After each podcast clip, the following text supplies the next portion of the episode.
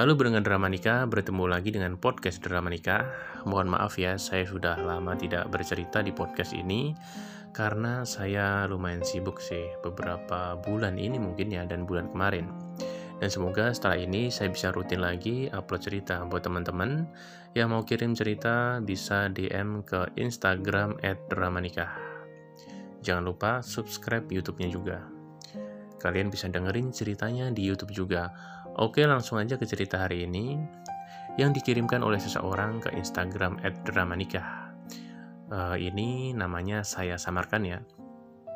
Langsung aja ke ceritanya. Halo teman-teman Dramanika. Perkenalkan nama aku Eva. Aku mau cerita tentang pernikahanku. Dulu di tahun 2018 aku berpacaran dengan seseorang pria yang aku kenal dari temanku. Awal ketemu dia ini manis banget ya, sopan, idaman lah, pokoknya. Setelah lima bulan berpacaran, nah keluar deh sifat aslinya dia. Orangnya sensitif, emosional, dan saat itu bahkan aku pernah ngerasakan yang namanya dipukul, kemudian dicaci di depan orang. Bahkan HP ku nih pernah dibanting ya. Nah, waktu itu orang tua nggak tahu ya kejadian ini. Bahkan pernah ada satu hal yang paling aku benci ya kejadiannya waktu itu uh, aku sedang tidur dan aku memang tidak punya HP ya buat ngabarin HP dibanting dia. Pacarku ini uh, pengen hubungin aku tetapi dia tidak bisa karena aku tidak punya HP. Akhirnya karena dia emosi, dia ini malah hubungin mama aku. Di situ dia bilang ke mama kalau aku ini nggak jelas keberadaannya dan katanya aku malah ngejablay gitu kata pacarku. Nah di situ mama aku langsung sakit hati ya dan mulai kesel sama dia. Nah akhir dah dan akhir uh, tahun 2018 uh, eh, dia ini meminta restu ke orang tua untuk menikahi aku, tetapi orang tua aku menolak dan melarang aku berhubungan dengan dia serta memaki lelaki itu karena dia ini kurang ajar ya sama aku dan orang tuaku. Nah dari situ akhirnya aku putus uh, menuruti kemauan orang tua. Agar aku bisa move on dari lelaki itu, akhirnya aku mencari pekerjaan dan diterimalah aku di uh, bekerja di sebuah mall uh, di bagian kebersihan Kemudian aku bertemu dengan seseorang lelaki uh, di pekerjaan yang baru ini. Lelaki itu sebut saja namanya Ari. Awalnya aku sama Ari teman biasa sebenarnya ya. Uh, sampai pada saat itu dia meminta nomor aku. Uh, kemudian kita beralih ke sosmed dan setelah itu bercakap-cakap di sosmed. Kebalik ya, harusnya kan kalau saya ya di sosmed ya atau teman-teman lain mungkin di sosmed dulu loh uh, yang pernah saya tahu ya baru ke nomor HP ini kebalikannya. Di sini dia dari nomor HP malah beralih ke sosmed. Dari sosmed bercakap-cakap chatting nah dari situ malah dia baru uh, sering janjian bertemu. Uh, waktu itu Ari memberanikan diri untuk menembak aku Uh, Ari ini adalah anak perantauan ya. Dia berasal dari Pulau Sumatera. Dia di sini tinggal bersama kakak perempuannya dan kebetulan kakak perempuannya ini uh, bekerja di salah satu toko di mall uh, di mall yang, yang sama dengan saya bekerja. Dia kakaknya ini penjaga penjaga toko lah. Sebulan dua bulan pacaran tidak ada masalah tetapi pada bulan Juni 2020 ada insiden yaitu motor kakaknya Ari hilang uh, di kosannya. Kemudian akhirnya Ari ini memberanikan diri bilang ke kakaknya ya kalau motornya hilang. Setelah tahu kejadian itu kakaknya marah dan kakaknya nuduh kalau aku ini katanya yang bawa motor itu lah gitu Katanya aku ini menghasut Ari untuk menggadaikan motor itu. Intinya aku yang nilep motor itulah gitu. ada yang tujuannya katanya untuk membiayai hidup aku gitu. Padahal sebenarnya aku nggak tahu apa-apa. Dan jujur aku waktu itu juga ikut nyariin lah motornya itu uh, ke mana gitu. Tapi semenjak uh, itu, semenjak kejadian itu, kakaknya Ari jadi benci sama aku.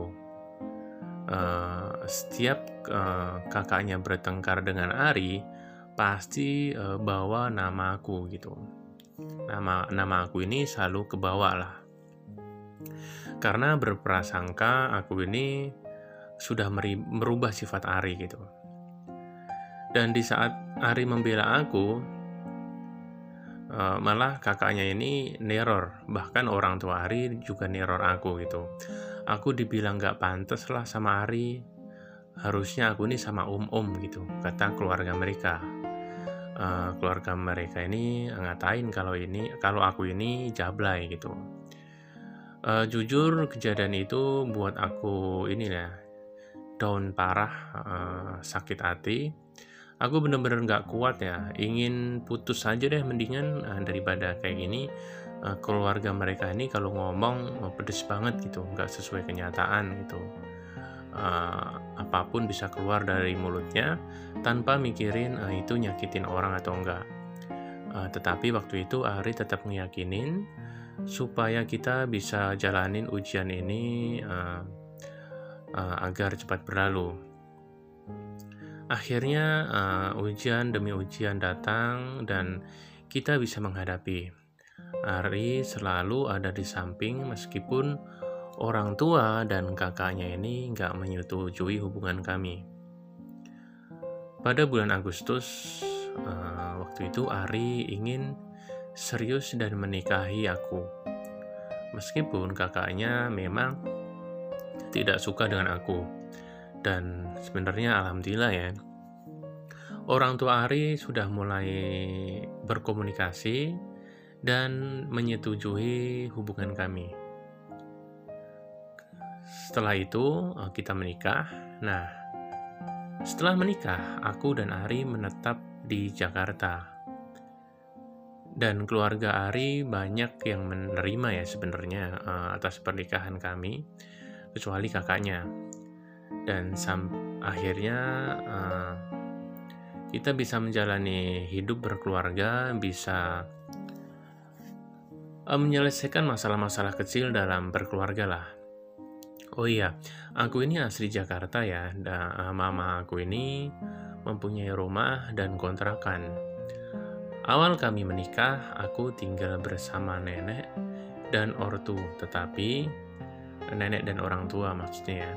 Tetapi karena kami ini tidak enak dan aku sebenarnya pernah nggak sengaja mendengar perkataan nenekku. Uh, aku dan suami akhirnya mengontrak lah di daerah di daerah uh, di Jakarta Timur. Gara-gara dengerin uh, omongan gak enak dari nenek lah. Waktu itu ketika ngontrak aku hamil 7 bulan nah ketika di kontrakan ini suami jarang pulang karena memang kami ini tidak punya kendaraan. Dan aku pun tidur sendirian di kontrakan.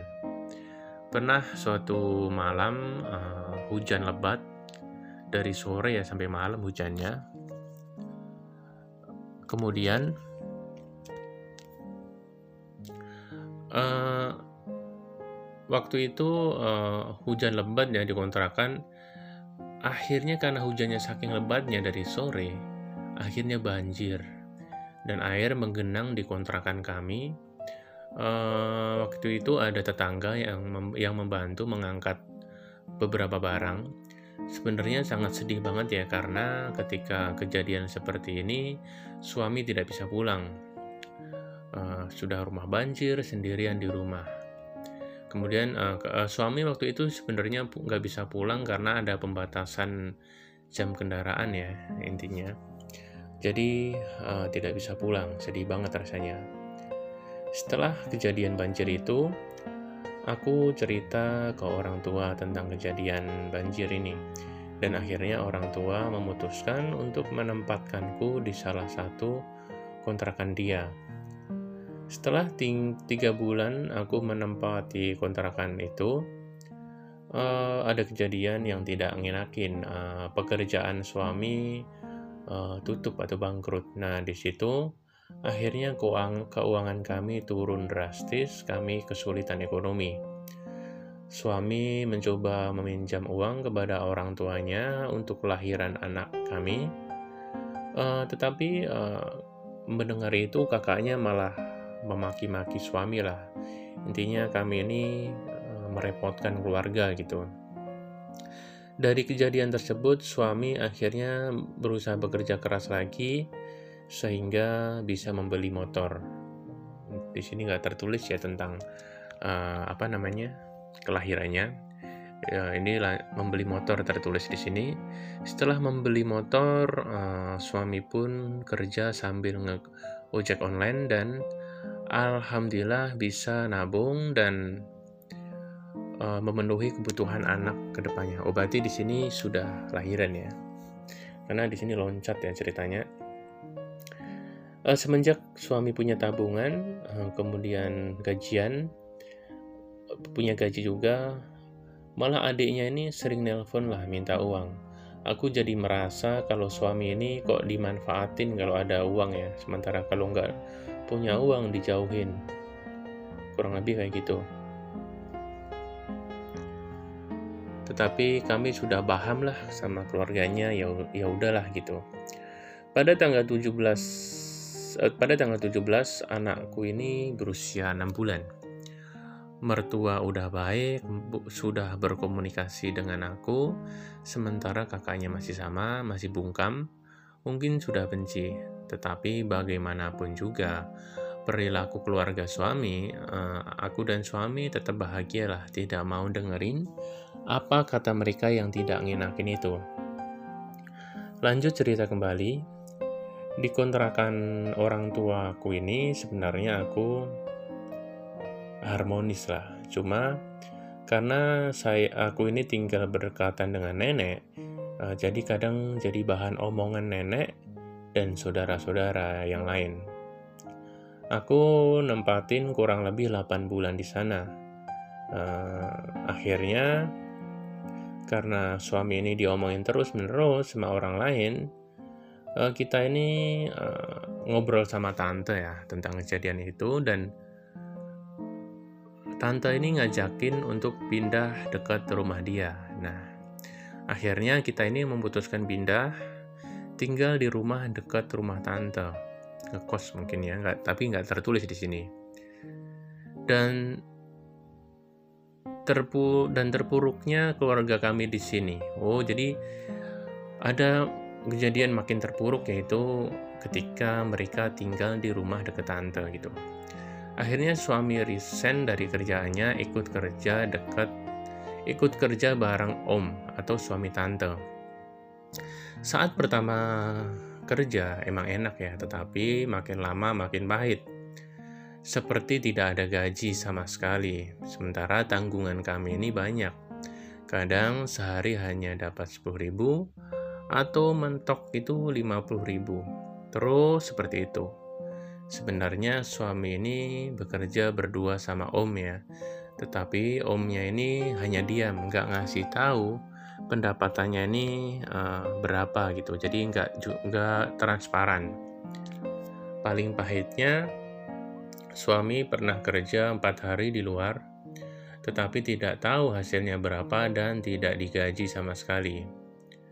Tiga bulan berlalu suami akhirnya menyerah bekerja dengan om. Karena makan aja kurang apalagi untuk membayar tanggungan Akhirnya suami aku ini menyerah, kemudian memutuskan untuk pulang kampung ke Sumatera untuk bekerja di sana. Sesampainya di Sumatera, dia tidak langsung kerja. Dia ini dia ini hanya disuruh bantu-bantu ayahnya jadi petani. Seminggu dua minggu dia di rumah tidak mengirim saya uh, uang untuk kebutuhan anak. Jadi ini LDR ya, istrinya di Jakarta, suaminya bekerja di Sumatera. Karena sudah menyerah bekerja di Jakarta, uh, tidak berhasil lah intinya kayak gitu. akhirnya menyerah bekerja di Sumatera bersama orang tuanya. Uh, di Sumatera, suaminya ini tidak mengirim uang untuk kebutuhan anak, makan, atau kebutuhan sehari-hari istrinya. Setelah itu ada kejadian, ada orang leasing atau orang motor datang untuk menagih cicilan. Di situ, saya sebagai istri pusing. Orang leasing itu minta pertanggungjawaban uh, tetapi uh, hanya janji saja tidak ada kepastian. Tetapi saya hanya bisa janji tidak ada kepastian untuk bisa membayar uh, tagihan itu sampai satu bulan saya tidak dikasih uang sama suami uh, kemudian suami uh, menyuruh aku sorry nih kadang aku kadang saya gitu karena di sini tertulis seperti itu ya. Akhirnya suami menyuruh aku ke kampung dia di Sumatera. Tetapi orang tua tidak mengizinkan eh, dan nenek juga tidak mengizinkan. Mereka menentang. Sedangkan di sini nih saya sebenarnya juga tidak enak hidupnya. Uh, saya ini di sini sama orang tua nggak nyaman karena orang tua juga sering marah gitulah di sini. Saya harus berbuat apa sekarang karena kalau saya ikut suami orang tua tidak bisa mengizinkan sedangkan kalau saya tetap di Jakarta saya hanya jadi hanya jadi beban mereka. Kurang lebih seperti itu kisah saya. Mohon pendapat dari teman-teman pendengar drama nikah.